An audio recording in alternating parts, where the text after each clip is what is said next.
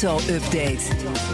Ja, het is eh, zes minuten voor negen, woensdag. En dat betekent dat we naar Herbert Blakkestein geschakeld. Onze presentator van BNR's Cryptocast. De podcast over bitcoins en digitale coins. Maar het kan niet anders, Herbert, dan dat we het hebben over corona. Tot nog toe 18 Ja. Ja, tijdens een conferentie over Ethereum. eh, die andere bitcoin, zou ik maar zeggen. In Parijs twee weken geleden. Want dat is bekend Ja. geworden, hè? Gisteren bekend geworden. Ehm, natuurlijk duurt het even voordat die besmettingen hun uitwerking krijgen. Eh, het gaat om de Ethereum Community Conference in Parijs. 3 tot 5 maart vond die plaats. De bedenker en de oprichter van de Ethereum, Vitalik Buterin, was er ook bij. Er waren 600 bezoekers. En zo zie je maar weer hoe verstandig het is dat intussen dat soort bijeenkomsten niet meer doorgaan. Ja, minstens 18 besmettingen. Ja, minstens 18. Er zijn er nog 11 in afwachting van een test of van de uitslag van een test. En er zijn er ook nog eens 14 waar een test is geweigerd. Maar dat zijn dus wel allemaal mensen met klachten.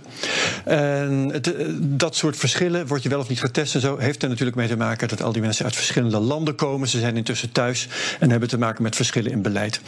Vitalik Buterin zelf die heeft eh, laten merken dat hij geen klachten heeft. En hij gaat het melden als, als hij toch problemen krijgt met zijn gezondheid. Oké, dan eventjes naar het Nederlands Rode Kruis. Dat, dat accepteert nu bitcoins als eh, donatie.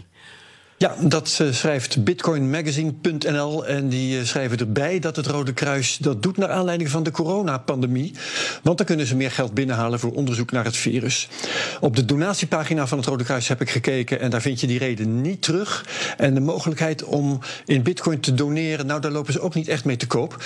Je moet eerst een bedrag in euro's invullen van je donatie en pas als je dan klikt op doneer, dan zie je de mogelijkheid om in bitcoin af te rekenen. Dus ja, eh, het Rode Kruis loopt er niet mee te kopen, maar het kan dus wel als je het graag wilt. Precies, doneren. En over donaties gesproken. Een medewerker van een Koreaanse exchange... die deed een zeer bijzondere donatie, hè?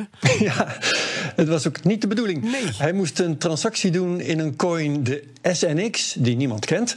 Het was een test en er zou een bedrag moeten worden overgemaakt van een 100 miljoenste SNX. Als ik de nullen goed heb geteld.